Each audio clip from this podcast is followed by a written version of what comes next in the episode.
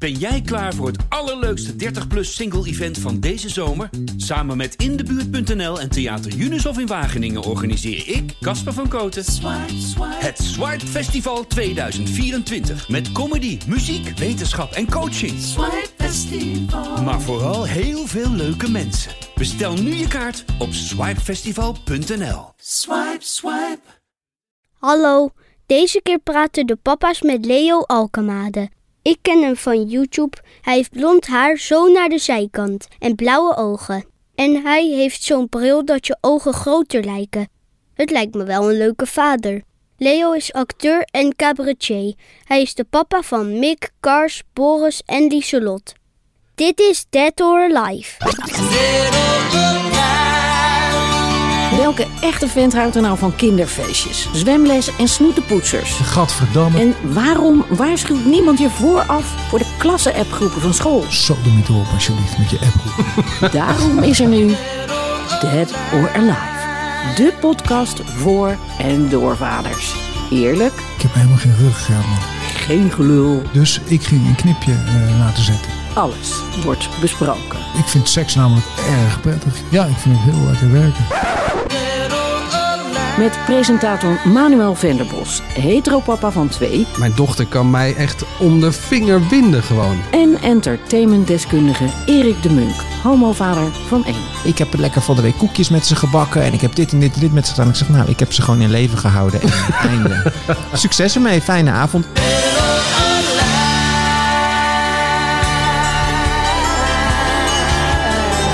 Dead or Alive. Nou, Manuel, daar zitten we dan weer. Dead or Alive. We gaan het hebben over het vaderschap en wat voor uitputtingsslag dat kan zijn. Maar ook over de momenten dat het energie geeft. Nou, zometeen het duurt nog maar heel kort. Vragen we een bekende vader het hemd van het lijf. Maar eerst eventjes tussen ons. Hoe zit jij erbij vandaag? Totaal dead eigenlijk. Waarom? Nou, ik had dus vannacht eh, dat je dan om twee uur s'nachts bij je voeteind in één keer zo flats hoort. En dan denk ik flats. En dan hoor je zo'n stemmetje, een jochie van negen, die zegt... eh, pap, ik voel me een beetje misselijk. En die smeert dan zo zijn handen zo aan het dekbed af. en dan ligt er zo echt zo'n hele goede vlaai van kots aan het voeteind op de houten vloer. Nou, dat is dan twee uur s'nachts. En je hele dekbed eh, zit ook onder. Dus die kan je er ook afhalen. En als je, nou, er zat ook nog iets op het matras. Dus nou, Maar ga jij dat dan oplossen of laat je dat aan moeder de vrouw over? nee, dat staan we dan met z'n tweeën eh, op te lossen. Ja. Jij en je zoon. Eh, Ja. Met je zieke zoontje van negen sta je dat dan op te lossen.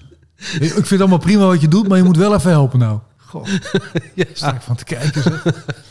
Erg eigenlijk, hè? Toch erg als je dat, Dat doen zo- wij anders in Tilburg Ja, hoor. toch wel. Daar gaan we het zo over hebben. Leo Alkema hebben we eigenlijk al hierbij een beetje geïntroduceerd. Maar eh, Erik, hoe jij? Is het dead or alive? Nee, ik ben compleet alive. Ik heb deze he- hele week allerlei playdates overleefd. Maar ik ben dan altijd heel erg van de, het standje. Ik doe gewoon mijn eigen dingen. Ik laat die kinderen aanrommelen. Dan komt er vervolgens een moeder thuis om die kinderen weer op te halen van de playdates. En die zegt dan, ja, ik heb lekker van de week koekjes met ze gebakken. En ik heb dit en dit en dit met ze gedaan. Ik zeg, nou, ik heb ze gewoon in leven gehouden. En einde.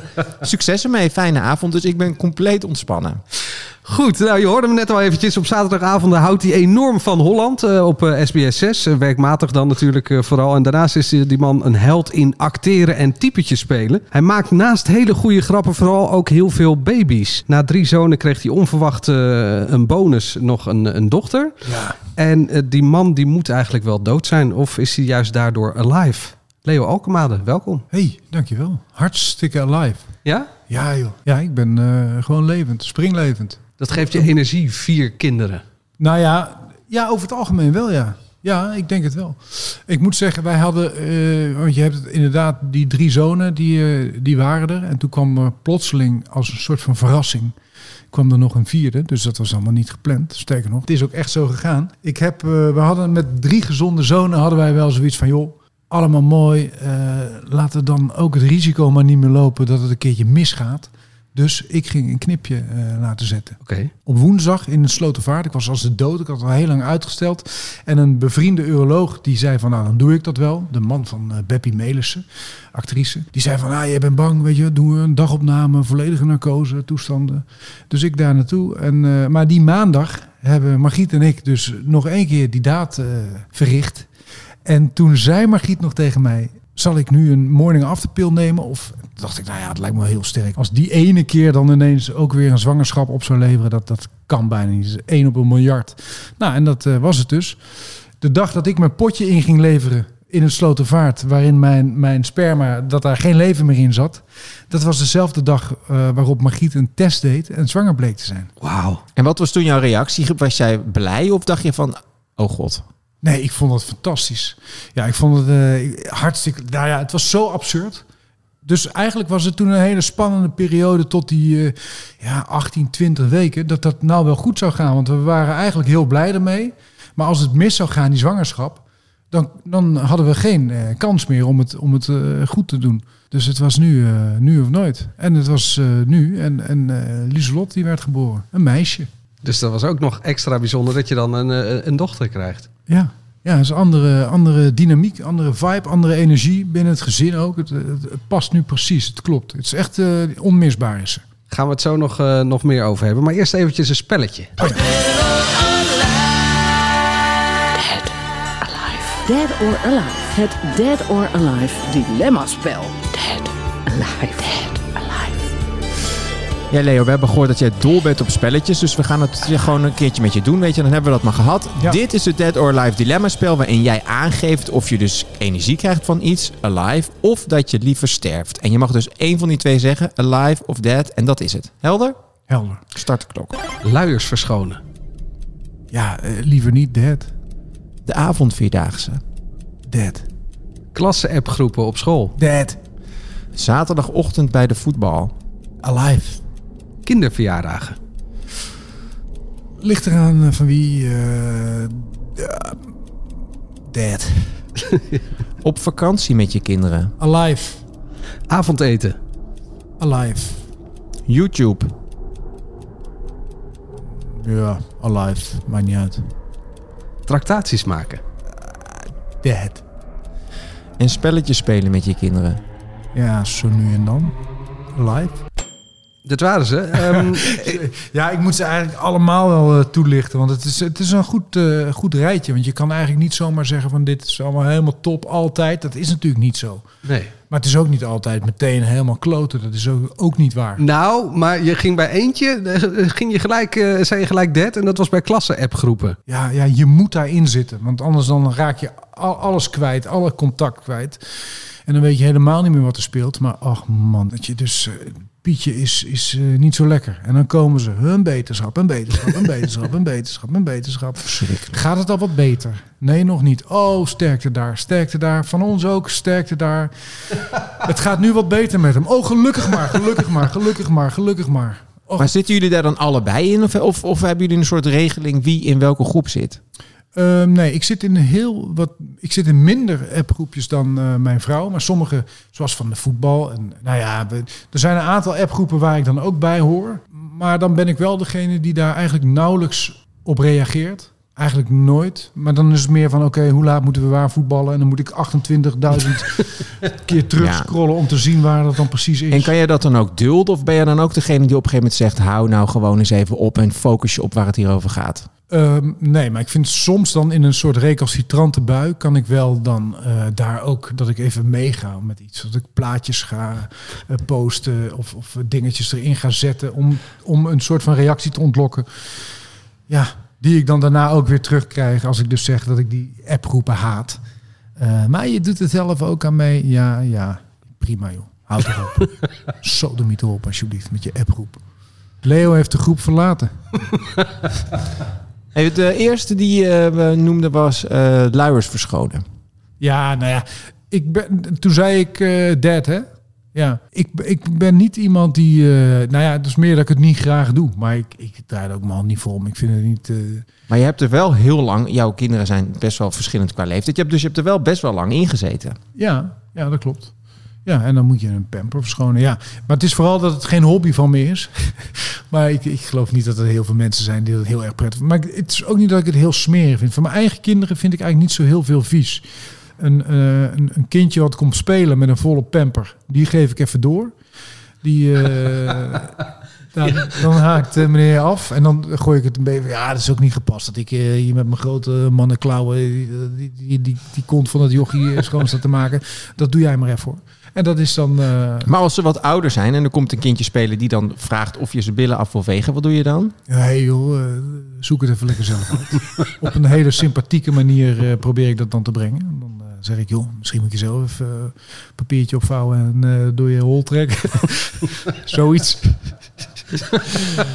Goed. Kinderverjaardagen, zei jij. Dus, daar was je nog, nog ja. best wel positief over. Nou, uh, kijk, er is natuurlijk een hoop veranderd hè? In, in de tijd toen ik, uh, uh, jarig, toen ik nog jarig was. ja. ja. Jij bent nog lang niet jarig. Nog lang niet, nee. Nou, ik ben geboren in, in, in een, opgegroeid in een Brabants dorpje. En mijn kinderverjaardagen, die, dan nodigde je vriendjes uit. Dan kreeg je ranja en taart. En dan gingen we de bos in. En dan deed je een spelletje met een theedoek, weet ik veel. En dan, en dan was je heel de dag buiten spelen. Maar kinderen zijn toch anders gewend inmiddels. Verwend misschien ook wel. Dus je moet echt, je moet ze aan het werk zetten, je moet ze bezighouden. Dus dan krijg je de, de Lolland, Plezier, Eilanden, Monkey City, ja. Apenkooi toestanden. Ja, en dat is. Uh, Lieselot is in oktober uh, vijf geworden. En toen hadden wij een, uh, een binnenspeeltuin. maar dat was net na de tweede lockdown eigenlijk. dus ze mochten maar 30 mensen in totaal hebben. Nou, wij waren al met 12 man. Dus er waren twee kinderfeestjes in die hele hal. Nou, dat was, dat was echt. Dat was de eerste keer dat ik dacht van echt laat die corona in godsnaam nog even doorgaan. Want dit is ideaal. Ja. En dan zat ik lekker aan mijn speciaal biertje, want dat kon dan ook nog. Dus toen dacht ik ook, ik moet met de buurman afspreken. Als we een keer de kroeg in willen, dan gaan we gewoon boeken we Lolland met z'n tweeën. En dan gaan we daar zitten. Op vakantie met je kinderen, dat vond je, daar was jij heel enthousiast over. Dat lijkt mij met vier een uitdaging. Ja, maar dat is met, met, met je eerste verkering is dat ook een uitdaging eh, als je met z'n tweeën gaat. Ik, ik, ik vind het vooral heel leuk, want je hebt weer, weer heel veel tijd voor elkaar. En iedereen, wij hebben altijd wel prettige vakanties. We gingen heel lang naar dezelfde plek. Dus de kinderen kenden daar de weg. Je doet de auto open, ze stappen uit. Je ziet ze twee, drie weken, zie je ze nauwelijks. En, en uh, iedereen heeft het naar zijn zin. En als je het samen wil ondernemen. Dit jaar hebben we een actieve vakantie gehad. Mijn zoontje, de, de oudste, is, is meer van het, van het creatieve. Die wil graag acteren. Die, wil, die zit op zangles in een musicalclubje. Dat is Mick. Dat is Mick. Uh, en en, en die, is, die is 13. Kars is 12. Uh, goede voetballer, heel sportief. En, en, en uh, wielrennen doet hij graag. Boris ook een voetballer, keepertje. Maar deze vakantie zijn we dan in de, in de Ardennen geweest, eerst een week, om ehm, te fietsen, met name. even bergen te fietsen. En ik vind het dan echt fantastisch. En daarna gaan we de, zijn we doorgegaan naar Zuid-Frankrijk. Ben ik twee keer met Kars de Mont Ventoux opgefietst. Ja, dat, dat, dan sta ik te janken als ik boven ben. Dat vind ik zo mooi, man. Dat je dat met je, met je, met je zoon uh, kan doen. Dat, uh, ja, dat vind ik prachtig. En met Mick idem dito hoor. Dat hij dat die dan ziet van, ah, hij heeft, hij heeft iets met, met Kars nu. Dat hij heel veel fietst. En uh, ik, ik wil ook die aandacht ergens. En zeg ik, nou, wat vind jij nou leuk? Hij zei, nou, ik wil wel herten spotten. Dus heb ik om vier uur s ochtends de wekker gezet in de Ardennen. En heb ik hem wakker gemaakt. En zijn we samen die bossen ingelopen met een zaklamp. En dan zie je het zo s ochtends licht worden, een dag worden. En dat is, we hebben geen hert gezien, maar het, het is wel mooi om, om samen dan die, uh, die dag in te gaan. Dus ik, uh, ik kan er heel erg van genieten. Mick is dus uh, 13, dus 13 jaar geleden werd jij vader. Ja. Was dat helemaal van tevoren over nagedacht, gepland en zo? Nou, nu is de tijd rijp, ik ga vader worden. Nee, eigenlijk helemaal niet. Want dat kwam e-, echt wel als een soort verrassing. Ik heb toen ook heel vaak gezegd van daarvoor ging het er wel eens over. Ik was wel getrouwd. Dus het leek heel erg vanzelfsprekend dat op het moment dat je dan uh, de keuze hebt gemaakt voor altijd bij iemand te blijven, dat je dan, oh ja, dan zullen er ook wel kinderen komen. Maar ik was ook ja, een beetje zoekende in wat ik wilde met mijn, uh, met mijn carrière. Ik stond in theater en, en dan ben je veel weg, s'avonds uh, tour en dan lig je s ochtends in je nest en, en Smiddags ga je even een boodschap doen of sporten. En dan, en dan s'avonds weer het theater in. Hartstikke als, leuk. Als cabaretier toch? Samen met uh, Roel Bloemen. Ja, ja. En Bloemen. Vijf programma's gemaakt. Twaalf jaar getoerd. En toen hadden we het er wel eens over van... joh, vader... Toen dacht ik, nee, ik wil eerst eventjes zorgen dat ik het...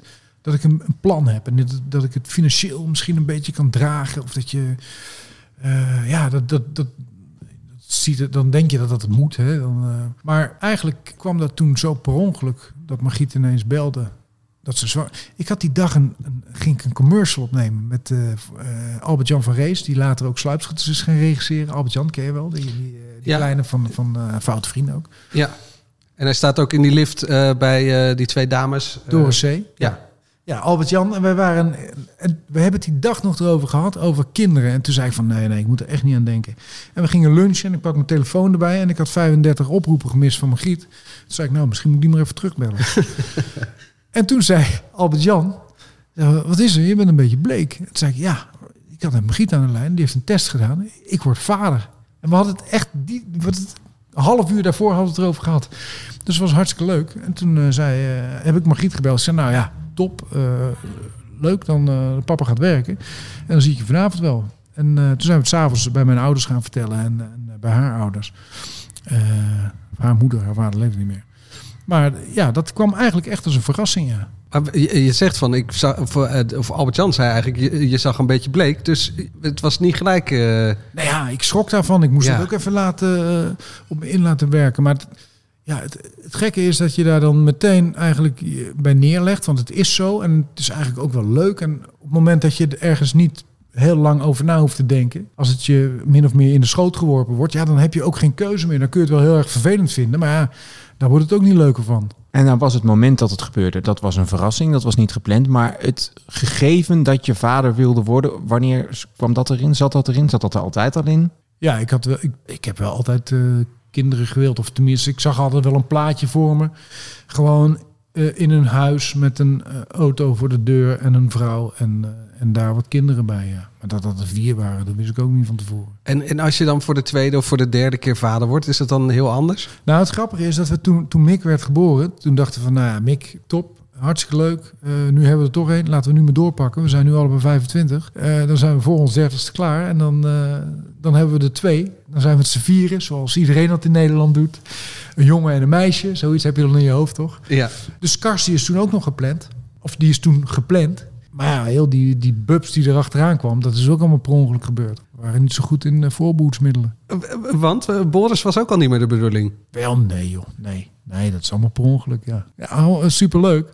Maar ja, we hebben dat nooit gepland. En ook niet, we hebben ook nooit echt uitgesproken van... eh, dit is eh, de max, of eh, twee, of één, of... eh, allemaal prima, maar we, we hebben, het gebeurt ons allemaal maar. En wat was dan voor jou de grootste overgang? Was dat van geen één kind naar één, of van één kinderen naar twee? Of daarna, wat, is, wat, was, was, wat was, was voor jou de meest heftige periode? Nou, ik denk eh, van geen kind naar één. Dat was het meest ingrijpend. Omdat je dan ineens niet meer alleen de verantwoordelijkheid voor jezelf hebt, maar voor een heel gezin. Dus ja, eh, wat ik zelf in mijn eentje doe, dat, dat maakt niemand iets uit. Ja, mijn moeder. Maar eh, nu moet ik zorgen dat, dat er iedere ochtend brood ligt. Met eh, het liefst iets van beleg erop. Oh ja? Ja, Ik, ik, ik had heel erg. eh, eh, ik vond achteraf gezien, vooraf dacht ik van ja, kinderen krijgen vader worden, dat is echt heel heftig. Zoiets groots, dat is nog veel groter dan een huis kopen. En daar zit je al voor 30 jaar aan vast. Hier zit je nog langer aan vast. Ehm, maar van 1 naar 2 vond ik eigenlijk veel heftiger dan van 0 naar 1. Omdat met één kind, dan ben je gewoon met z'n tweeën in stel met een kind. En dan heb jij of het kind of ik heb het kind. Eh, en dan kan ik gewoon gaan doen wat ik leuk vind. Eh, en met twee kinderen zadel je de ander met een probleem op. Ja. Namelijk, dan heb je altijd... Of dat ene kind is net schoon, is die andere weer vies. Eh, snap je wat ik bedoel? Ja, maar dat, dat had ik. Nee, ik had meer. Voor mij was dat dan toch groter. Dat ik dacht, ah ja, ik heb nu niet alleen maar. Soms ben je ook wel eens te ijdel en, en, en te veel met jezelf bezig. En vanaf dat moment dat ik vader ben geworden, dat ik dacht van, hé, hey, maar het draait niet om mij nu. Het gaat om, om die knaap die daar eh, zijn pamper heeft volgekakt. En je moet aan de bak, jongen. Ja. En als er dan een tweede komt, dan denk ik, ja, ik ben nu gewend aan die eerste. Ik weet dat die, dat die nachten, die gebroken nachten, die, die, die- daar wen je aan. En, en eh, ja, dat, dat, dat ritje naar de, hoe heet dat, de peuterspeelzaal en de hele mikmak, allemaal prima. Als je dat één keer hebt gehad, ja, dan of je dat dan met twee kinderen doet of met drie. Of, nou ja, toen Lieslot werd geboren waren ze allemaal wat ouder. Boris was nog klein, maar ja, dan, dat maakt niet uit. Ik zou zo een vijfde, dan zou ik mijn hand niet voor omdraaien. Dat kan niet meer, maar ik- Nee. prima. Daarover gesproken over baby's. En ehm, je hebt ze in alle soorten en maten. Zeg maar 13 is de oudste, 5 is de jongste. Zou, zou je jezelf nou omschrijven als een echte babypapa? Of zeg je van nou, als ze wat ouder worden, dan ontwikkel ik me ook beter als vader? Ik vind baby's, ik kan van baby's nog steeds wel een warm gevoel krijgen hoor. Ik vind dat wel, ik, ik wil ook een, een babytje altijd graag vasthouden. Vind ik leuk als er ergens een babytje wordt geboren. Dan, en wil iemand ik, dan zeg ik, ja, vind ik leuk. Ja? Ja, vind ik, ja, dat vind ik altijd leuk. Ja. Ik weet niet waarom, het is een klein wezentje. en Dat is nog, nog een beetje week allemaal. Dat nekje moet je recht houden. Het is zo kwetsbaar. Ik vind dat heel mooi. En als ze dan wat ouder worden, ja, een, een leuke kleuter of een. Dan vind ik vooral mijn, mijn eigen kinderen heel, heel leuk. ja, dat is, eh, dat is misschien niet. En die anderen allemaal best wel irritant. Nou ja, soms wel. Dat je, ik ben wel eens hulpvaarder geweest toen op de, op de kleuterschool. En dan zijn ze natuurlijk allemaal vier en vijf. En dan zei, zei de juf, die zei van... Nou Leo, eh, als jij dan hem even een hand geeft... dan eh, want dat is een beetje een druk te maken. Dat ik dacht van, ja, nee, nee. Ik wil mijn eigen kind een hand geven. Ik wil hem geen hand geven. Ik vind hem niet zo fris eruit zien. Eh, en ik mag er helemaal niet over oordelen. Kijk, de juf, die, dat zei ik ook. Van, ik heb heel sterk mijn voorkeur. Voor bepaalde kinderen vind ik super leuk. En die wil ik graag omarmen. Maar sommige kinderen, daar heb ik gewoon niks mee. Kan dat? Zei ze, ja, dat kan me wel voorstellen. Maar eh, als je langer in dit vak zit, als je dit doet... dan, dan zul je zien dat in ieder kind zit, zit iets ontwapenends. Zit iets moois. En dat is natuurlijk ook zo. Dat weet ik ook wel. Alleen, je moet je daar wel voor openstellen. En op zo'n moment dan denk ik van... ja, een snotneus, dan ga ik niet... doe eerst zijn neus maar even af. En ik wil dat hij zijn handen wast. Want hij heeft eh, vieze bruine randen onder zijn nagels. Ik, ik ga er niet meer lopen. Krijg je dat glazen? Ik ben gewoon geen kleuterjuf. Dat kan wel boven deze uitzending. ik ben gewoon geen kleuterjuf. Nee, nee, echt niet. Tijd voor een tip? Ja. Dead or Alive. De waarom hebben ze mij dat nooit verteld tip voor aanstaande vaders. Alive. Ja, wat, eh, wat zou je mee willen geven aan eh, aanstaande vaders? Nou ja, mee willen geven. eh, kijk, helemaal nu eh, in, in tijden van eh, corona en veel thuiswerken. Het gaat eigenlijk over thuiswerken. Op het moment dat je kinderen hebt en kinderen zijn thuis, dan is een appje versturen al ingewikkeld. En dat kan heel veel frustratie opleveren. Als je nog één mail moet sturen naar iemand eh, en er lopen kinderen doorheen of er zit iemand met geluiden die te hard zijn, speelgoed wat geluid maakt. Mijn lontje werd verschrikkelijk kort als ik dacht, ik moet dit nu vandaag afmaken. Op het moment dat de kinderen thuis zijn en je, je, je had de intentie om thuis te werken, laat varen, laat gaan, alles uit je handen laten flikkeren en iets in ieder geval niet werken. Ga lekker koken, ga lekker... De, maar alles wat je nog voor je werk zou moeten doen, waar je een beetje bij moet nadenken, waar je, dat kan niet. En dat levert zo verschrikkelijk veel Ja, maar frustratie op. wat is dan de tip voor thuiswerkende vaders? Ga een baan zoeken met een kantoor ver van je huis. Nee, ja, maar nee. Ja, ja, dat is een goede. Daar heb ik helemaal niet eens over nagedacht. Daar heb ik geen tip voor. Ik heb vooral een tip voor mensen die denken van... joh, ik wil nu nog één mail sturen. Het is half drie, de kinderen zijn al thuis. Die moet je even doorzetten naar morgen eigenlijk, die mail. Maar ja, thuiswerkende vaders, daar heb ik nou echt respect voor. Heel diep respect. Dat, nou nee, heb ik helemaal geen respect voor trouwens. Ik geloof niet dat het kan. Volgens mij ben je niet goed in je werk als jij, nou ja, in mijn geval dan vier kinderen om je heen hebt hangen, die allemaal eh, iets van je willen of die geluid maken, eh, zingen, televisie, die stemmetjes van, ehm, dat ken jij ook wel Manuel, dat eh, programma. Ja, alle YouTube-programma's maken, d- d- die schreeuwen die gasten. Ik weet niet waarom. Maar dat, is- dat vind ik echt. Elvin en de Chuckman of zo.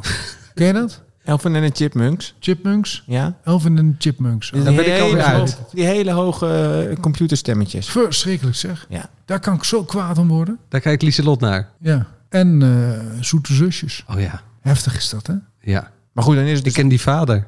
Echt? Is dat een leuke vent? Dat is echt een superleuke vent. Ja, Grappig zeg. Benjamin de Zoete heet hij. Nou, we dwalen enorm af. Maar Ja. eigenlijk zeg je dus, dus of je werkt gewoon heel goed... of je bent een slechte vader. Dat is eigenlijk de, wat je dus eigenlijk Ja, daarmee ja, zegt. dat klopt, ja. ja. Dan hebben we het goed samengevat. Ja, heb je, is dit een tip waar je iets eh, aan hebt? Of zeg je van, joh Leo, echt hier had je wat beter, wat langer over na kunnen denken? Dat, dat wel, maar je zat waarschijnlijk thuis met kinderen daarover na te denken. Ja, dat klopt. Wat voor soort vader ben jij? Eh 1,86 meter, eh 84 kilo, brildragend. ehm, Met een knipje. Met een knipje, ja. Ja. Zeker. Maar ben je streng? Nee, Eh, soms wel. Margriet is strenger. Nee, wij zijn niet zo streng. Bij ons kan eigenlijk heel veel. Tot een bepaalde eh, hoogte. En, en, en, eh, ja, En dan ontplof je. Of wat? Nou ja, nee, niet, ja, dan ontplof ik niet. Ja, ik kan, natuurlijk, ik kan natuurlijk ook heel kwaad worden. Ik kan niet tegen onverschilligheid. Dat is eigenlijk meer als je scheid hebt aan mij. Dat zeg ik ook wel eens tegen, tegen vooral de oudste twee. Die beginnen een beetje te puberen. En die kunnen dan onverschillig doen. Of een handgebaar. Of wegkijken. Of zo, zo kijken van... Jezus man, je, je bent echt een eikel. Of weet ik veel. En dat trek ik voor geen meter. Dan, dan, uh, dan wil ik als vader respect van mijn kinderen. En ik moet er zelf ook wel om lachen dan. Want misschien wil ik dan ook wel te veel. Maar... Ga je dan in discussie? Of? Ja, dan ga ik in discussie. Ja. En dan wil ik ze sorry zeggen. Eerst tegen mij. En dan uh, loop maar even naar je moeder. En zeg maar sorry. En als ze dan sorry zeggen met, uh, met een soort van middelvinger die ik er dan in hoor, dan, uh, dan moeten ze terug. Moeten ze het nog een keer gaan zeggen met de juiste intentie. Dus, ah, dat kinderachtige gedoe, daar, daar maak ik me ook wel schuldig aan. Maar kijk, alles kan, alles mag. Maar ja, we, we hebben gewoon bepaalde normen en waarden. En daar moet ik me aan houden. En zij net zo goed. En ligt die grens dan bij jullie allebei hetzelfde? Of heb jij dan misschien dat je net iets eerder boos bent of minder snel? Ik heb er altijd een hekel aan als ik de hele dag in de keuken heb gespeeld. Niet dat ik de hele dag in de keuken sta, maar dat je, dat je lekker hebt gekookt voor je gevoel. En, en dat ze de deksel van de pan halen en dan zeggen: Gadverdamme, zonder ook maar iets geproefd te hebben. Dat is echt het ergste. Dat ja, dat vind ik zo frustrerend. Wat, wat doe je nou, man? Wat doe je nou? Ik sta hier al anderhalf uur te koken. Voor jullie. Ook voor mezelf, maar ook voor jullie. En het is echt heel erg lekker geworden. En je kijkt erin en je zegt, gadverdamme, ja, dat, dat, dat, dat, dat trek ik niet. En, en dan? Maar gaan ze het dan eten? Of... Nee, dan vragen ze om een boterham. Dan zeg ik, nou, nee, dat krijg je niet. Je eet dit of niks. En dan gaan we naar boven. En dan, uh, voordat ik dat heb gezegd, zeg ik, ach joh, zo moet er ook maar op naar boven. Gaan we naar boven. Ik wil je niet meer zien, zeg ik dan. En dan uh, gaat hij stampvoetend naar boven. En dan na vijf minuten dan komt hij naar beneden en dan uh, pakt hij een boterham. Maar, maar dat mag dan wel? Nou ja, nee, liever niet. Om dan weer die hele discussie, dat hele circus. Ja, nee, maar er is daar niet iets op te bedenken. Dat kinderen gewoon eten. Ik ben daar zo... Ja, nee, ja. ja. Daar ga ik echt dood aan. Ja. Nou, en ze eten dus bij mij eigenlijk best wel goed. Uh, Ook groenten. Sperziebonen. Dus wij eten eigenlijk vier keer in de week sperziebonen. Of stampot snijbonen. Het zijn vooral de bonen die het goed doen uh, bij ons. Maar ja, er mag verder niets mee uh, gedaan worden hoor. Niet, niet wokken. Nee, dat moet echt helemaal kapot gekookt worden allemaal. Dat, is, dat je ze meteen door kan slikken. Dat is een beetje de kunst van het koken. Ben je geduldig? Ja, zo nu en dan wel ja. Ja, ik ben Los je het op met humor? Of hoe, hoe gaat dat? dat ja, zo'n idee heb ik bij jou, maar goed, dat weet ik helemaal niet. Ja, maar ook ik probeer ze vooral ook zelf te laten inzien waar, uh, waar, het, waar het wringt of zo. En dan wel op een positieve manier. Dat je, Boris die kan, die kan uh, heel goed voetballen. En ik, ik vond het leuk, die zit in de, in de jeugdopleiding bij Willem II. En dan heb je die trainers, die gaan heel erg uit van het positieve iedere keer. Dus, dus die benaderen ieder kind van uh, na een oefening, wat ging er nou goed? En, en waar, uh, wat vond je leuk aan deze oefening? En toen dacht ik, oh grappig zeg, als je het op die manier insteekt. Want de trainer van zijn, van zijn andere club, die zou zeggen van, uh, jongens, aanname is niet goed hè. Moeten we eventjes aan werken, je moet dit en dit. Maar dan zegt hij van, wat je goed deed is, je keek al vooruit en je zag wat er ging gebeuren. Alleen, en nou gaan we nog even werken aan die aanname, want die kan wel beter. Ja. Dat is een hele andere insteek. En dat, dat probeer ik ook een beetje nu dat ik denk van, oh ja, we moeten het vanuit het positieve en dan een leuke draai eraan geven. Kan niet altijd. Ik bedoel, ik heb er ook niet altijd tijd voor om uh, over na te denken. Met kinderen om me heen. Maar ik, ik uh, probeer het wel. Boris, komt hij uh, ooit dan in het eerste van Willem II? Ik denk wel, ja. Hij is al, hij is al twee keer gescout voor PSV, maar dat, daar geloven wij niet in. Dus hij blijft lekker bij Willem II. Omdat je dat een kutclub vindt? Nee, niet eens. Nee. Nee, maar gewoon logistiek. En, en ja. het moet op een leuke manier. En dat zou hartstikke leuk zijn. En als hij dadelijk denkt, ik moet gaan ballet dansen, dan kappen we met dat hele voetbal. Dan gaat hij lekker ballet dansen. Leuk. Je oudste zoon is 13, zei je al. Wat is nou het leukste aan zijn leeftijd? Toch ook, ook uh, de grootste ergernis, dat, dat puberen er een beetje in komt. En ik, ik uh, herken het niet echt van mezelf. Ik, ik weet niet hoe ik was als puber. Of ik, ja, ik was niet een hele heftige puber volgens mij. Als ik het aan mijn moeder vraag, dan zegt ze ook uh, van niet.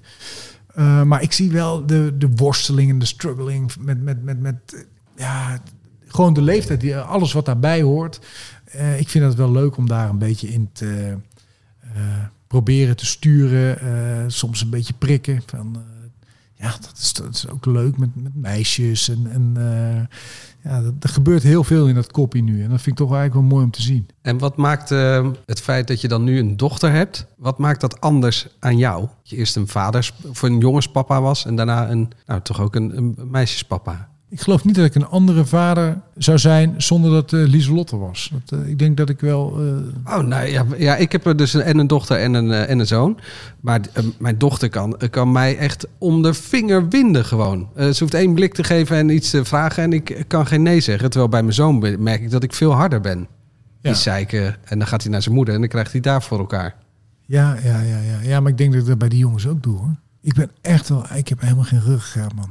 Slappe zak. Zacht ei. En hoe anders is het om dan een meisje, na drie jongens een meisje te- op te voeden? Is, wat merk je daar wel verschillen, hoe je daar dan eh, in staat? Nou, het is heel leuk. Lieselot die wil eigenlijk het liefst door mij naar bed gebracht worden. Omdat wij samen... Ik heb wel het geduld om... om ehm, eh, meer het geduld dan, dan Margriet dat heeft.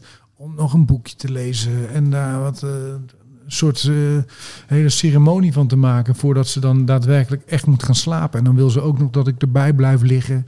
En eigenlijk blijf ik iedere avond bij Lieselotte liggen totdat ze, totdat ze ook slaapt. En dan sta ik op en dan hoor ik Boris, die ligt in de kamer ernaast. Zo, pap, kom je eh, nou even bij mij liggen? En dan moet ik nog even bij Boris gaan liggen. En dat is wel heel grappig om te zien. Boris is tien. En die heeft natuurlijk altijd een beetje op zijn tenen moeten lopen. Omdat hij twee oudere broers heeft, 13, 12.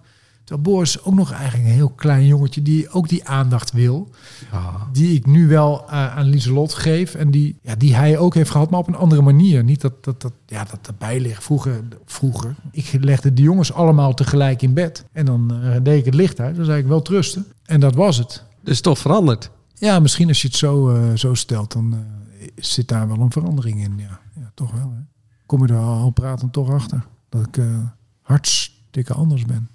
Ja, dit is een onvermijdelijk eh, moment eigenlijk. De onvermijdelijke papa Papa, ik lijk steeds meer op jou. Ja, een voor de hand liggende clichématige vraag. Maar in hoeverre lijk jij op je eigen vader in jouw vaderschap? Ik denk eh, dat ik wel op mijn vader lijk.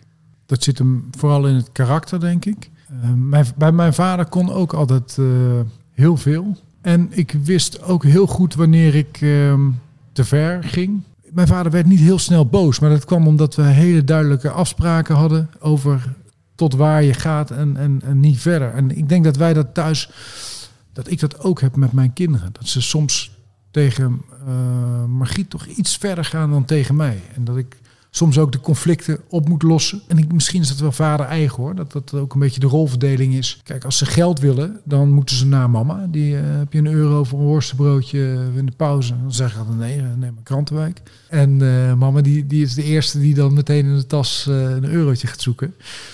Eh, maar ja, voor andere dingen eh, sta ik dan op. Maar ja, oh ja, om terug te komen, mijn vader. Het grote verschil met, met mijn vader en mij is dat mijn vader toch wel een aardige fysieke beperking had.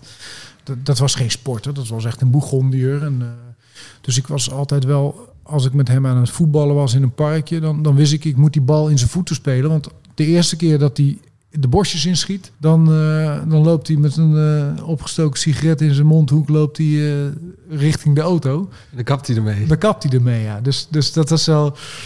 Ja, hij, had, hij, had, hij vond het heel leuk om te doen, maar die zo'n fietstocht of, of eh, een, eh, een wandeling of hard stadion runs heb ik met die jongens gedaan. Of, S ochtends vroeg naar de herten kijken. nee, dat, eh, dat zat er bij mijn pa niet in. Nee. Nee. En waren er dan ook nog andere dingen die jouw vader deed qua opvoeding of wat dan ook, waarvan je dacht in je eigen ouderschap, nou dat ga ik absoluut niet zo aanpakken?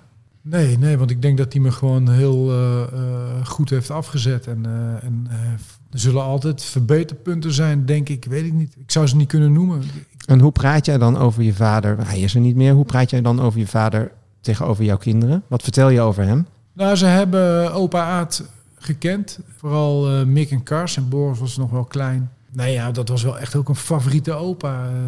En als we het dan omdraaien, van wa- wat bewonder je aan je vader? en Of wat, wat doe jij hetzelfde eh, in jouw vaderschap? nou, door, de, door niet zozeer volgens een bepaald opvoedkundig boek te handelen, maar vanuit intuïtie en, en eh, gevoel. En hij heeft altijd achter mij gestaan in alle keuzes die ik heb gemaakt. Dat is volgens mij het grootste goed. Daar ben ik heel dankbaar voor. Dat hij, had ook kunnen zeggen, joh, ga je in de plaats van eh, de theaterschool maar eens eventjes een echte studie doen. Nee, dat, dat kwam niet in hem op. Dat zei hij niet. Terwijl, ja, het acteursbestaan, dat is niet gelijk eh, dat je denkt van dit gaat uh, bakken met geld opleveren. Nee, dat is toch dat- waar je als vader misschien eh, dan bezorgd over bent. Ja, maar dat was voor bij ons thuis helemaal niet belangrijk. Het eh, grote goed zit hem in het geluk en, en eh, in dat je iets doet waar je achter staat. En dat heb ik mede van hem, maar ook net zo goed van mijn moeder, eh, hebben we dat wel van huis uit meegekregen.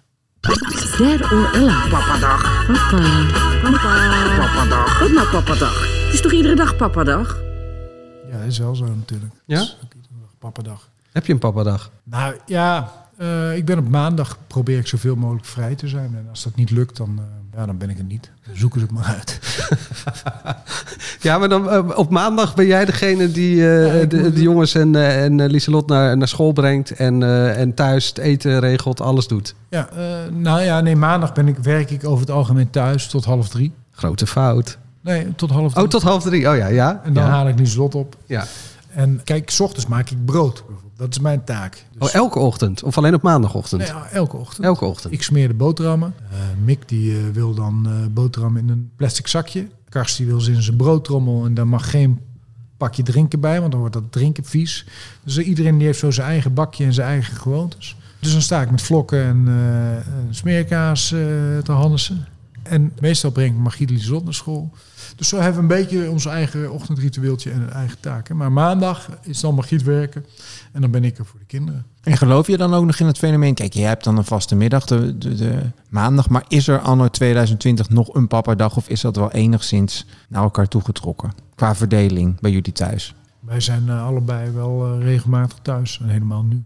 Ik vond het eigenlijk wel lekker ook dat die scholen dicht waren. En het was gewoon één lange vakantie. En ik heb daar eigenlijk best wel van genoten. En dan ga je ook met ze knutselen, plakken, eh, koekjes bakken. Nee, nee, nee, nee. Dat vind ik ook wel gedoe hoor. Ik, voor- in, in dat opzicht maak ik me er altijd wel makkelijk vanaf misschien. Je begon eh, al met dol op spelletjes. Nou, dat is ook helemaal niet waar. Ik vind het leuk om een potje te memorieën. Maar ik- ik- het moet ook allemaal niet, niet te lang duren. Ik doe dan liever andere dingen. Maar wat doe je dan met ze? Nou, veel buiten. We hebben een heel mooi park om de hoek waar ze kunnen skaten, steppen met, met zo'n eh, zo'n baantje erbij. En eh, dat, dat, dan ga ik daar lekker zitten of ik doe mee. Of eh, we gaan voetballen, wielrennen. Dat soort dingen. Dat, En dan, en dan heb je er dus vier. In hoeverre is het, dat lijkt mij heel ingewikkeld, om ze dan ook alle vier bij één activiteit te krijgen? Of is dat kansloos? Dat ze alles leuk vinden?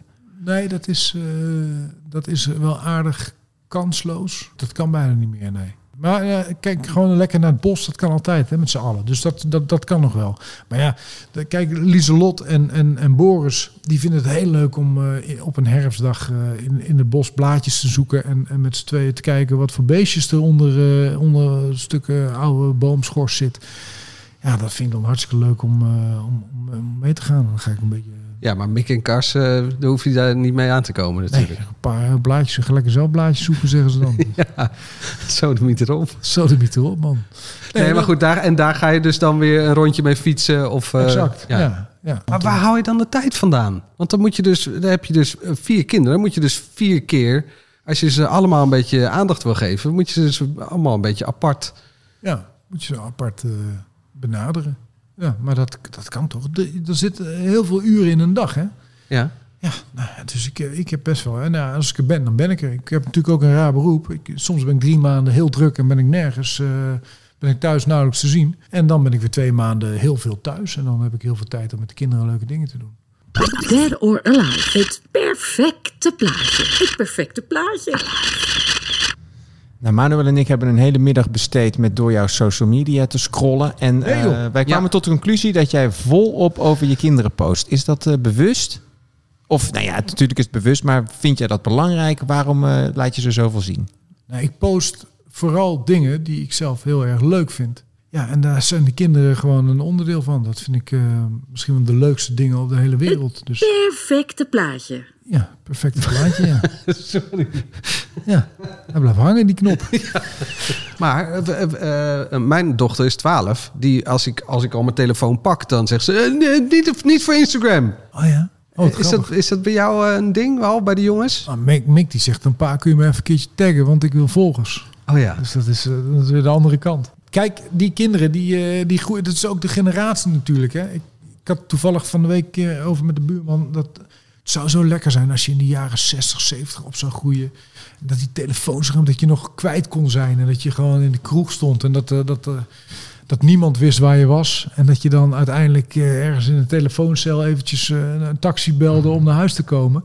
Ja, dat is allemaal geschiedenis. Wij lopen nu de godganse dag met die telefoon en we maken alles wat we mooi vinden, daar maken we een foto van, doen we filter overheen en, en, en we posten het met, eh, oh wat hebben we toch goed allemaal. Ja, dat is allemaal ook een beetje plastic, maar het hoort erbij. En eh, ik, ik, ik vind het vooral, ik denk wel dat ik een eerlijk account heb. Ik bedoel, eh, ik- post dingen van de kinderen die iedere vader ook zou posten, toch? Als mijn zoon een mooi doelpunt maakt, ja, dan zet ik hem erop als ik hem heb gefilmd. Dat vind ik leuk, want dan ben ik trots op. Ja. Ja, dan mag je zeggen van, eh, dat moet je niet doen. Dan zeg ik, bemoei je er niet mee. Doe ik wel. En als je dochter eh, macaroni op een blaadje heeft geplakt, dan eh, maak je daar een foto van en zet je die er ook op. Ja, ja. En daar ben ik dan minder trots op dan, dan zo'n mooie goal. Maar kijk, macaroni op een blaadje is ook bijzonder. Maar het geeft natuurlijk wel heel veel dat er zo heel veel kritiek die erop komt. Een eenzijdig beeld van het ouderschap. Hè, dat mensen nooit echt de ellende erop zetten. Dat vind ik onzin. Want het is wa- wat je laat zien, dat is ook waar je het over hebt eh, op straat, los van die foto's. Ik bedoel, als mensen aan mij vragen hoe is het, dan zeg ik hartstikke goed. Want eh, ze had macaroni op een blaadje geplakt en dat was hartstikke leuk. En we hebben daarna aranja gedronken en dat. Ik ga niet zeggen dat ze met, met stront onder de voeten over het vloerkleed is gelopen. En dat ik de hele dag op mijn knieën met, met biotekst heb zitten schrobben. Dat is helemaal niet interessant. En dan word je ook een klager. En dan, en, dan, en dan wordt het zuur en vervelend. En dan wil niemand meer met je praten. Hou op. Je moet de leuke dingen, die moet je delen. Ja, en soms zijn de dingen minder leuk. Ja, dan mag je ook delen. Dat- dat- eh, doe lekker wat je zelf wil. Maar ik, ik, ben, ik ben geen klager. Ik vind het niet nodig om te zeuren. eh, als ik ook hele leuke dingen meemaak. Dead or Alive. Oeh, papa. Dead or Alive. Oeh. Zo, papa, kom jij maar eens even lekker hier. Moet hij lachen, Leo? Ja, ik hoorde ineens heel eh, iets, seksies. Ja. Is het, eh, is het vaderschap sexy? Weet ik eigenlijk niet. Is sexy?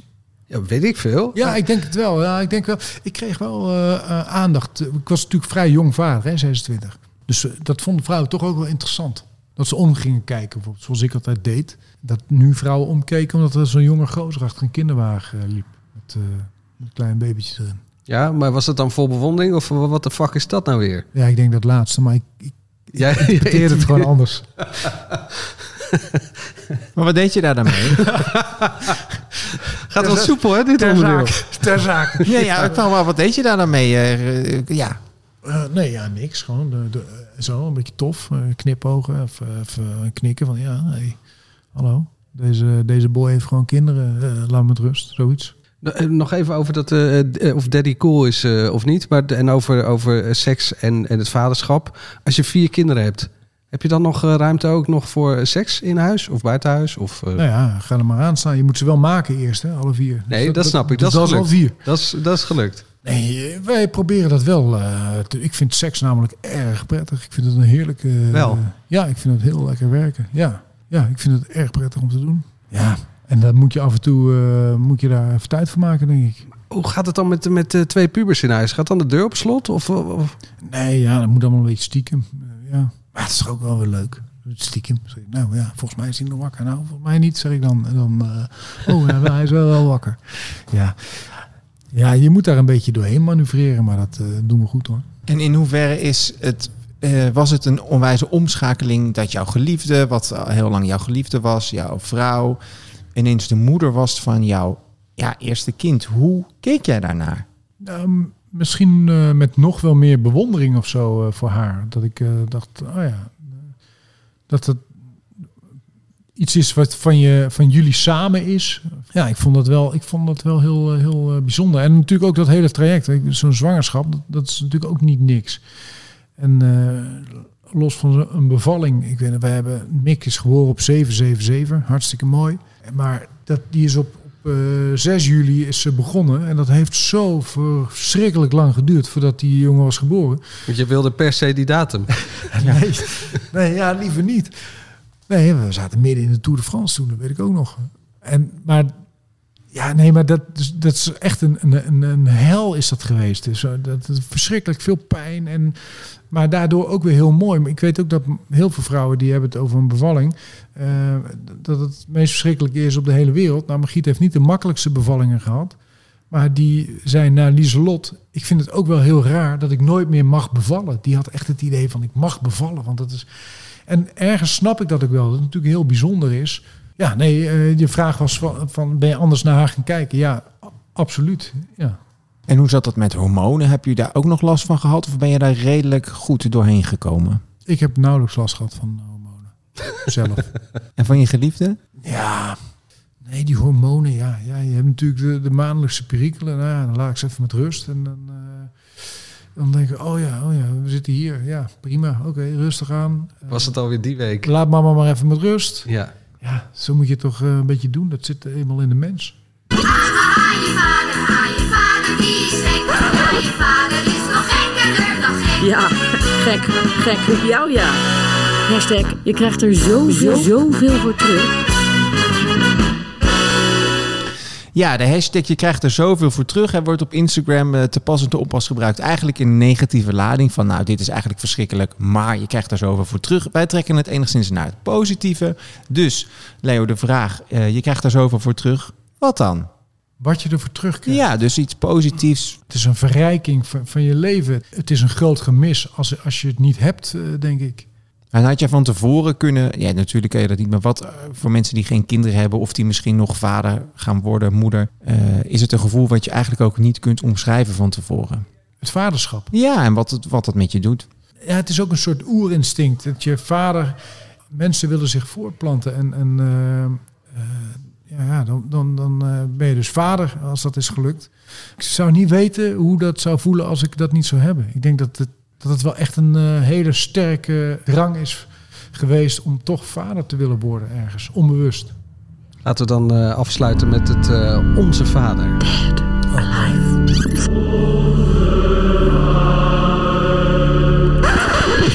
Ja, je krijgt van onze vaders in dit seizoen wijsheden die de eerste tien geboden vormen voor de luisterende vader. Een wijsheid, een tip, een truc. Ehm, nou ja, iets wat op een tegeltje zou kunnen. Het woord is aan onze vader, Ja. Leo Alkemade. Ja, nou weet je, kijk, die tegeltjes en zo, dat, dat, eh, daar heb ik al een beetje hekel aan. Ik vind het een heel leuk eh, concept hoor, eh, van jullie. Daar gaat het niet om. Maar kijk, ik zou, ik zou sowieso, als er iets op een tegeltje staat, dan zou ik er al niet meer in geloven, gek genoeg. Dus, dus eh, Zetten we het niet op een tegeltje. nee, dat kan ook niet, want ik, ik probeer hier maar eens iets uit te filteren wat je dan op dat tegeltje zou willen zetten. Je hebt nog geen reet gezegd, Leo. Nee, nee, dat klopt. Nee, ik, kijk, eh, dan gaat het over het vaderschap. En ik denk vooral dat je het eh, niet uit, eh, uit, ik heb het net al gezegd, niet uit boeken moet halen, of maar dat je het echt vanuit jezelf moet halen en je eigen kinderlijke enthousiasme moet laten spreken om een goede vader te zijn. En ik, ik, er zijn honderdduizenden eh, eh, betere vaders misschien volgens eh, de regeltjes dan dat ik ben. Maar ik weet wel dat mijn kinderen hebben een hartstikke leuke jeugd. En, en ik geniet met volle teugen van mijn kinderen. Dus ik denk op het moment dat dat aan de hand is, dat je het dan goed doet. Volgens mij is dat precies wat je vader ook zei. Dat denk ik ook, ja.